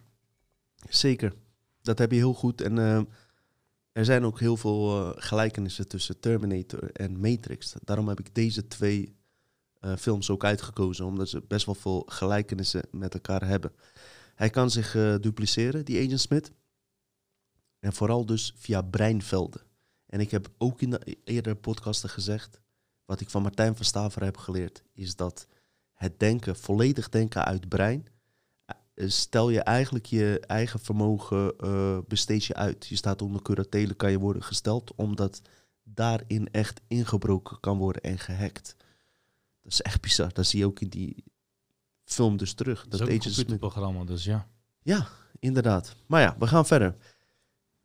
Uh, ons universum, heb ik ook in andere podcasten gezegd, bestaat uit binaire codes, codes met 1 en nullen. Wetenschappers hebben dat onderzocht door uh, uh, kosmische straling te bestuderen, door diep genoeg te graven in, het, in de zwarte gaten en in het heelal. Zijn ze erachter gekomen dat er dus echt binaire codes met 1 en nullen in ons universum bestaan. Neo's kamer, 101. 101. Wauw. Is dat de dino? Nee joh, denk je. Er komt nog veel meer. Wist je dat trouwens? Nee, nee, ik had, dat was me nooit opgevallen. Oké, okay, zo en zo. Als je letters van Neo omdraait, kreeg je one. Oké. Okay. Oké. Maar wat ik interessant vond, is... Uh, en die link heb ik zelf gelegd en toen ging ik dat onderzoeken. Je hebt ook in je hersenen neocortex Neocortex, ja, dat is later benoemd, ja. Ja, en 85% van onze hersenen wordt beheerst door het gedeelte neocortex. Oké? En waar zorgt dit uh, uh, gedeelte van de hersenen voor? Is dat je telkens streeft naar de herhalendezelfde rituelen. Ja? Dus uh, daardoor word je ook in de matrix gehouden. Dus maandag ga ik sporten. Vrijdag breng ik mijn tijd door met mijn familie. Zaterdags ga ik vreemd. Maar ook bijvoorbeeld. Uh... Terwijl je ook vrij, vrijdags vreemd kan gaan en zaterdag uh, tijd met je familie kan doorbrengen. Toch is het zo of niet? Met oud en nieuw niet. Hè? Blijf bij je eigen familie. Laat je buurman gewoon thuis, oké? Okay? Is dat niet bizar, Ersan? Ja, ja ik had, ik had uh, nog niet. Ik, ik heb zelf nog niet opgezocht waar het neocortex voor is, dus ik neem het dan van je aan. Oké. Okay. Als het niet klopt, mag je het zeggen, maar ik nee, heb nee, het wel nee, uitgezocht. Ja, ja, ja, ja, ja. Dus dat is je, je, motor, je motoristische schors. Dus ja, je motoristisch, dus alles. Dus het lopen, wandelen, herhalen ook. Dus dat wilde ik ook zeggen. Dus nee, het, het houdt je in de, zeg maar. Als je één keer leert zwemmen, blijf je, kan je altijd Precies. Zwemmen. Maar uh, uh, het gevaar daarvan is, is dat je zeg maar in die ritueel, terugkomend ritueel, terecht zit. Waardoor je je oorspronkelijke gaves automatisch niet aan hoeft te denken, zou je kunnen zeggen. En telkens in uh, dat programma blijft, ja. die jou wordt voorgeschoteld. Cypher, die kale man, kan je wat, wat over hem vertellen? Weet je wie dat is? Ja, Cypher was volgens mij de persoon die ooit uit de Matrix ook... Dus die heeft ook een keer de Red Pill gekregen. Ja. En ja, op, op je aanraden. Ik heb een tijdje geleden de 1, 2, 3 Matrix delen weer teruggekeken. Was echt heel gaaf. En een tekenfilm, een pre-Matrix uh, film. Ik weet niet of je die ooit hebt gekeken. Uh, maar Cypher is dus een persoon die heel graag verlangt weer naar de Matrix te gaan, omdat hij de echte wereld gewoon zat is. En die, gaat dus, uh, die is dus gemanipuleerd door, door de computerprogramma, door de Skynet zeg maar achtige of de, de, de Matrix. Um, want in dit geval is het een echte Skynet. Dus het is zelf opgezet AI-programma. Dat in Terminator. Te, die maar dit is soortgelijk iets. Ja, ja. soortgelijk iets. Die ja. probeert te overleven. En hoe kan die overleven? Door de warmte. Een mens brengt energie. En ja. door die warmte van de energie kunnen ze overleven. Omdat ze, Komen we uh, daarop terug. Dat is in de film Matrix zelf. Maar, ja, maar ik, dan kom ik Cijfer? ook... Dus dat is over, alleen over cijfer. Cijfer. Wist jij trouwens dat die gast ook in Sopranos gespeeld heeft? Ja, ja ik uh, kan wel Jij herkent hem niet terug? Nee. Ik herken hem niet terug, En je stem, ik hoor het aan zijn stem. Zijn stem is voor ja, mij echt, eh, ja. ja, prachtig. Maar wist je ook dat cijfer in computertermen algoritmes nul betekent? Eh, nee, eh, s- speelt met P of met C? Ik weet niet hoe ze... PH volgens mij. Ja. ja, dus je hebt dus One. Wiskundig iets, ja. Dat is de positieveling. Je hebt cijfer die de boel verraadt, is 0. En binaire codes 1, 0. Ja, Oké? dat is mooi. En ook non-dualiteit. Plus en min. Yin en yang. Eh, heb je nog een voorbeeld? Eh, van de Matrix. Ja, van yin en yang, eh, plus en min, donker licht. Ja, al- alles, Snap alles je? in de hele wereld, het hele universum is met Ik- ik- balans te maken. Ja, inderdaad. Ja. En dat komt telkens de, dus terug naar voren. Maar ook gepaard en dus met, met bijbelse, ja, met, met bijbelse dingen. Dan heb je dat, die vrouw Trinity. En dat is een bijbelse term. Christelijk geloof eh, zegt de Trinity. Dat is een drie-eenheid. Dat betekent God, die bestaat uit drie karakters. En dat zijn vader, zoon. En met zoon wordt dan bedoeld Jezus Christus. En de Heilige Geest. Oké? Wie is de Heilige Geest dan? Ik denk dat dat je ziel is of zo. Ah. Ik weet het niet. Maar ik vind het wel vreemd. Ja, dat... Ben ik wel heilig dan, denk je? Nee, maar dat niet alleen. Maar vader, zoon, heilige geest. En waar staat de vrouw dan? Misschien moeder aarde? Ik weet het niet. Maar Nee, de vrouw is toch geschept van de, de ribben van... ja, maar dat, ik vind dat on- onderdanig tegenover een vrouw. Ja. Maar daar komen we straks op terug bij de vragen. Ik vind dat de vrouw hier ook bij... eh, Oké, moeder aarde is wel de de- vrouw. Maar het heeft wel een linken met de Bijbel. Dat is wel interessant. Weet Ja. je waarom ook? Morpheus. Weet je wie Morpheus is? Vertel maar. Weet jij het? Eh, nee, maar ik weet wel dat een bijbel, bijbelse naam is, Morpheus. Het is een eh, Griekse god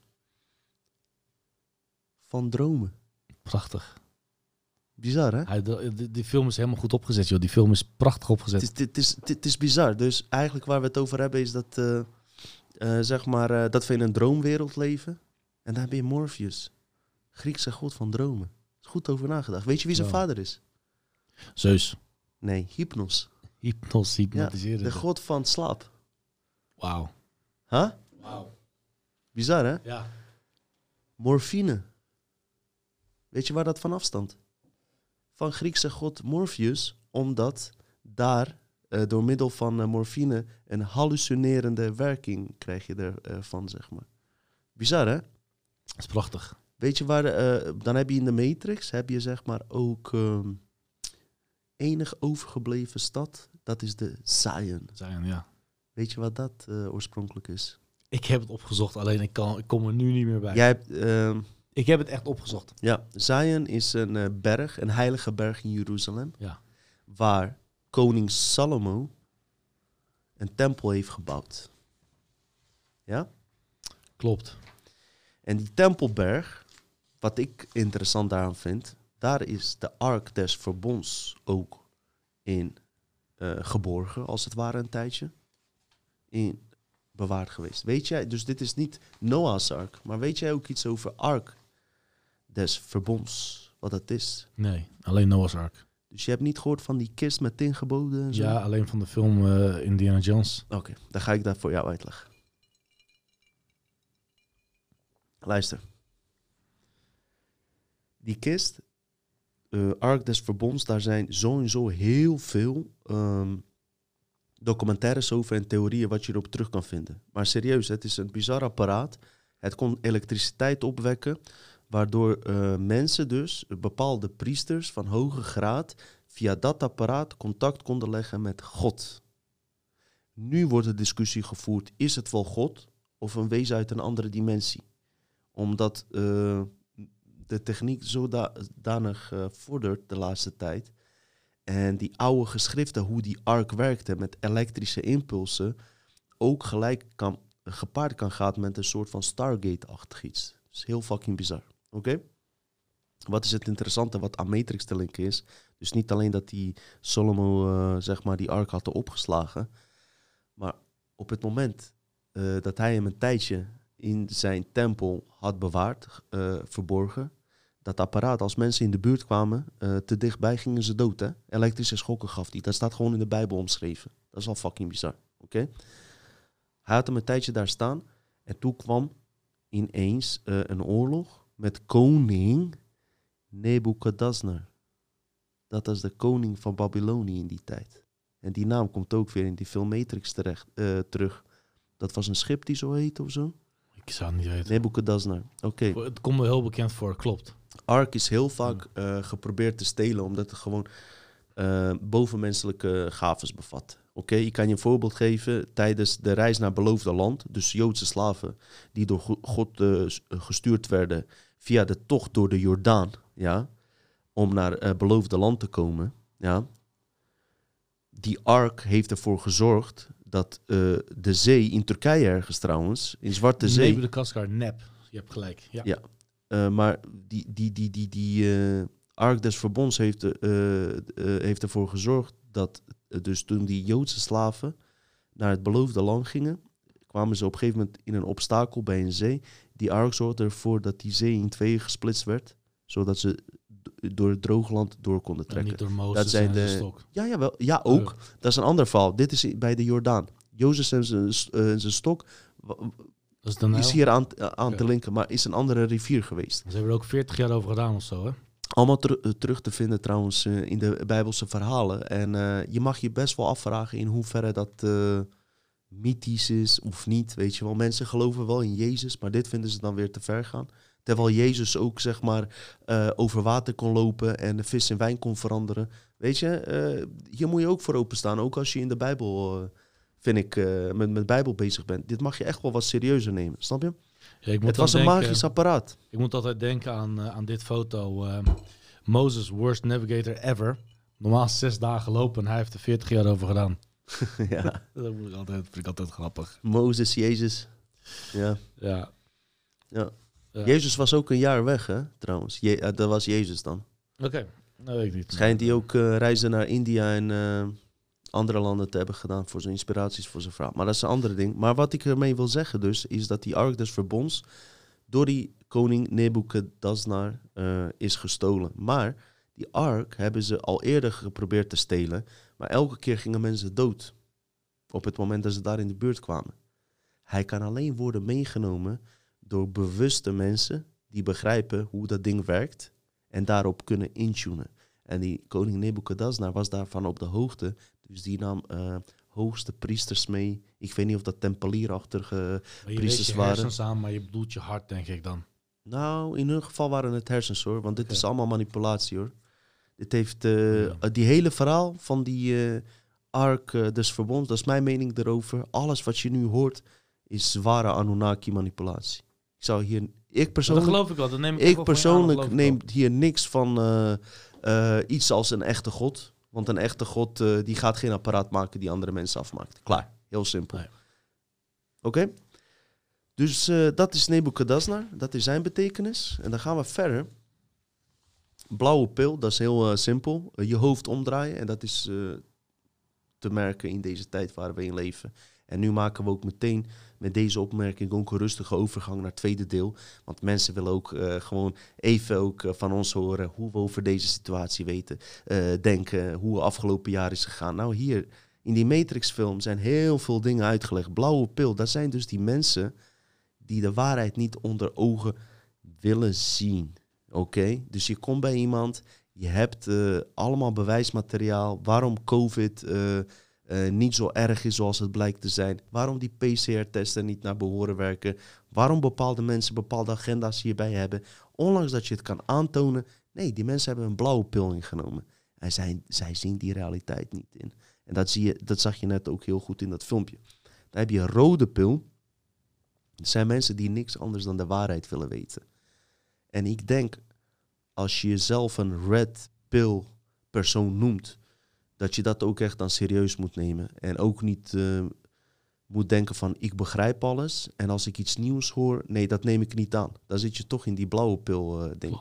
en klopt. da- da- daar zit eh, ook een hele grote misleiding in van mensen die, die denken dat, wakker zijn, dat ze wakker zijn. Geldt ook voor mij, hè? Dus stel je voor, ik heb een theorie en morgen komt iemand met totaal iets anders. En dan zeg ik, nee, je lult. Nee, dat, dan ben ik onder invloed van de blauwe pil, omdat ik, weet je, Ja, ja, mijn bepaalde theorie daarin. Maar weet je wat ik echt heel raar vind van die, van die hele film en van die hele opzet, ook als ik hoor, Red Pill, Blue Pill.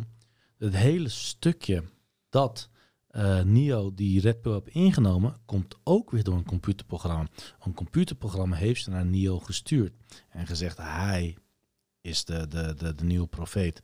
Hij is degene geweest. Mhm, mhm. Dus het is ook weer een computerprogramma die dat Klopt. weer heeft gedaan. En ook dat ga ik straks eh, ze- eh, verklaren, want ik ben nog niet klaar, mensen. En mensen zijn niet klaar met mij. Oracle. Mensen zijn, ja, inderdaad. Daar komen we straks nog op terug.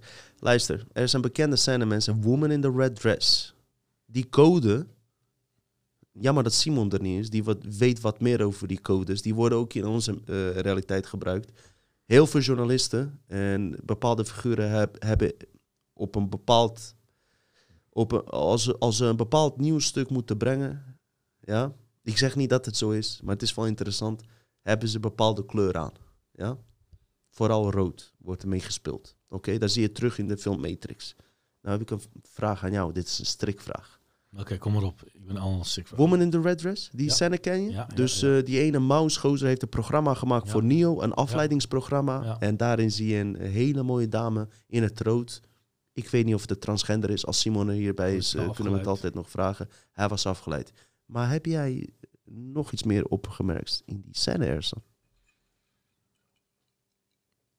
Man, dat is eh, heel lang terug. Eh, nee, nee, Nee. nee, had ik het al geweten. Ze zijn zo diep gegaan, is op het moment dat Neo misleid wordt met die woman in the red dress, wordt de kijker ook misleid. Al die andere figuranten die je daar ziet, zijn dubbelgangers.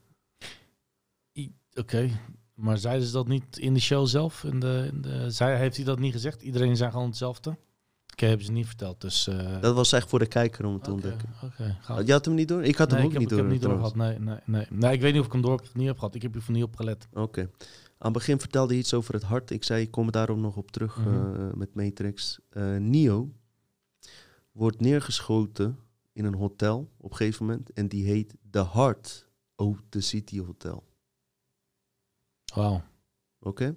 Maar wat is het mooie ervan? Hij wordt geschoten in zijn hart. Oké? Op een gegeven moment komt die Trinity. En komt met die levenskracht, energie. Komt hem weer tot leven brengen.